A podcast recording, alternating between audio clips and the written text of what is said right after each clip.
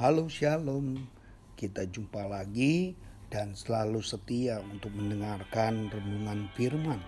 Hari ini saya boleh menyampaikan tentang satu Raja-Raja pasal 17 ayat 2 sampai 5. Ya, ayat yang keempat yang saya ambil, engkau dapat minum dari sungai itu dan burung-burung gagak telah kuperintahkan untuk memberi makan engkau di sana. Nah, tema hari ini adalah tentang perigi dan gun dengan burung gagak ya. Apa itu perigi?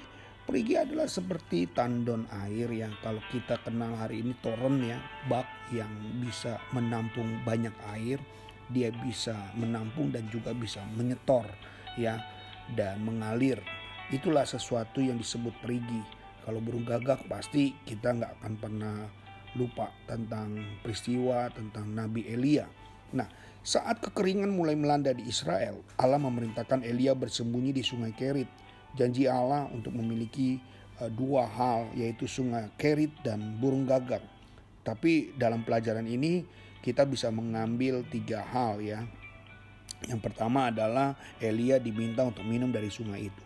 Sebenarnya ini pergi kapasitas airnya terbatas ya.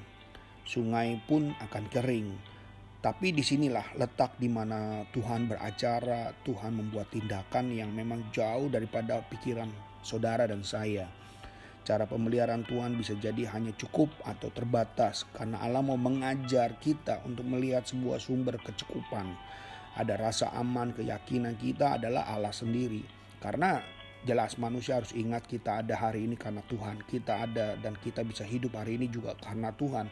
Dan keputusan Tuhanlah yang membuat kita sampai hari ini bisa beraktivitas.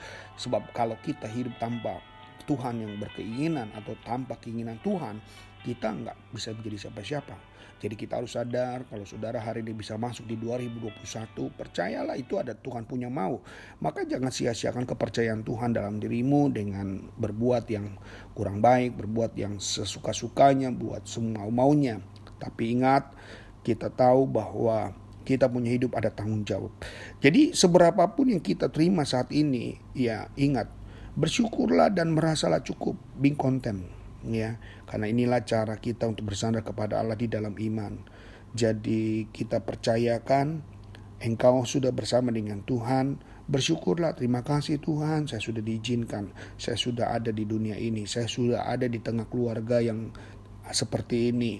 Ya jangan bilang ah saya nggak enak tinggal di keluarga ini. Ah kenapa saya jadi anggota keluarga ini? Dan kenapa saya dilahirkan?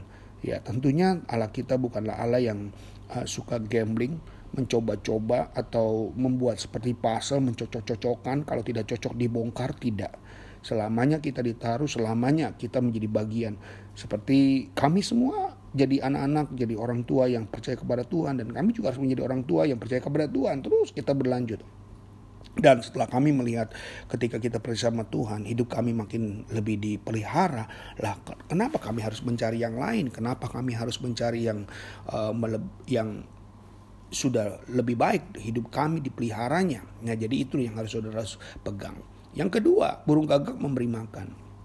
Ya, tiga elemen ini kita lihat burung-burung gagak memberikan makan Elia. Ya, rasanya sesuatu yang nggak pernah mungkin. Ya, gagak ini rakus. Ya, gagak ini kan burung yang sangat lapar, yang selalu lapar. Ya, tetapi kalau dia bisa mengantar roti dan daging, ini sesuatu yang ya kita boleh ingat kembali ketika zaman ini susah dan sulit buat kita, tapi di balik kesusahan, kesusahan dan kesulitan itu ada jalan keluar. Ya bahkan dua hari, dua kali dalam sehari burung gagak itu diperintahkan luar biasa. Burung yang rakus burung yang sangat uh, pemakan daging ya. Bahkan dia tidak akan suka untuk berbagi dengan rekan-rekannya saja tapi dia bisa mengantarkan kepada Nabi Elia. Ini sesuatu yang amazing. Tuhan memerintahkan dengan cara penyediaan supranatural. Penyediaan, supranatural melalui orang-orang yang digerakkan Tuhan. Dengan adanya ketatanmu, dengan adanya kemurahan hatimu untuk memberkati dan memenuhi kebutuhan kita. Dunia boleh tidak meyakinkan dunia boleh mengalami suatu uh, suasana yang tidak enak tapi Tuhan punya cara yang unik untuk pelihara saudara. Ya kalau orang lain bilang zaman ini susah zaman ini sulit zaman ini kacau zaman ini wah berantakan. Tapi hanya orang yang dekat dengan Tuhan semuanya itu terpelihara semuanya itu dijagai semuanya itu dilindungi. Percayalah Kalau Tuhan sudah izinkan engkau hidup, pasti dia punya cara untuk memelihara engkau. Yang ketiga adalah penyediaannya yang luar kelaziman. Tuhan memerintahkan burung gagak memberi makan Elias secara teratur dua kali dalam sehari.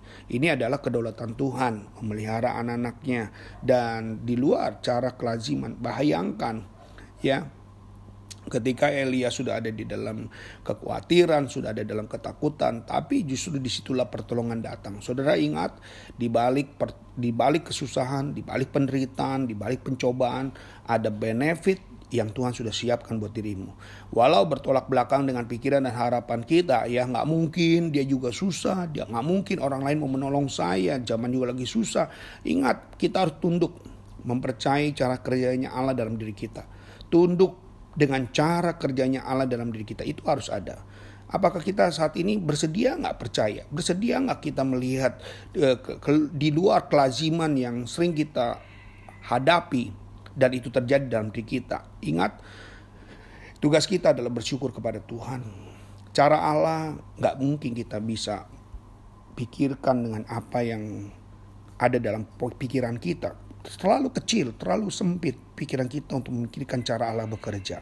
Hari ini lakukan saja apa yang menjadi bagianmu kerjakan, apa yang menjadi bagian Allah, Allah yang kerjakan. Itu saja, ingat tema kita tentang perigi dan burung gagak, segala sesuatunya bisa terjadi. Apa yang gak mungkin menjadi mungkin bagi Allah. Itu saja kebenaran yang boleh saya sampaikan. Kiranya Tuhan Yesus memberkati kita di tahun yang baru ini. Shalom.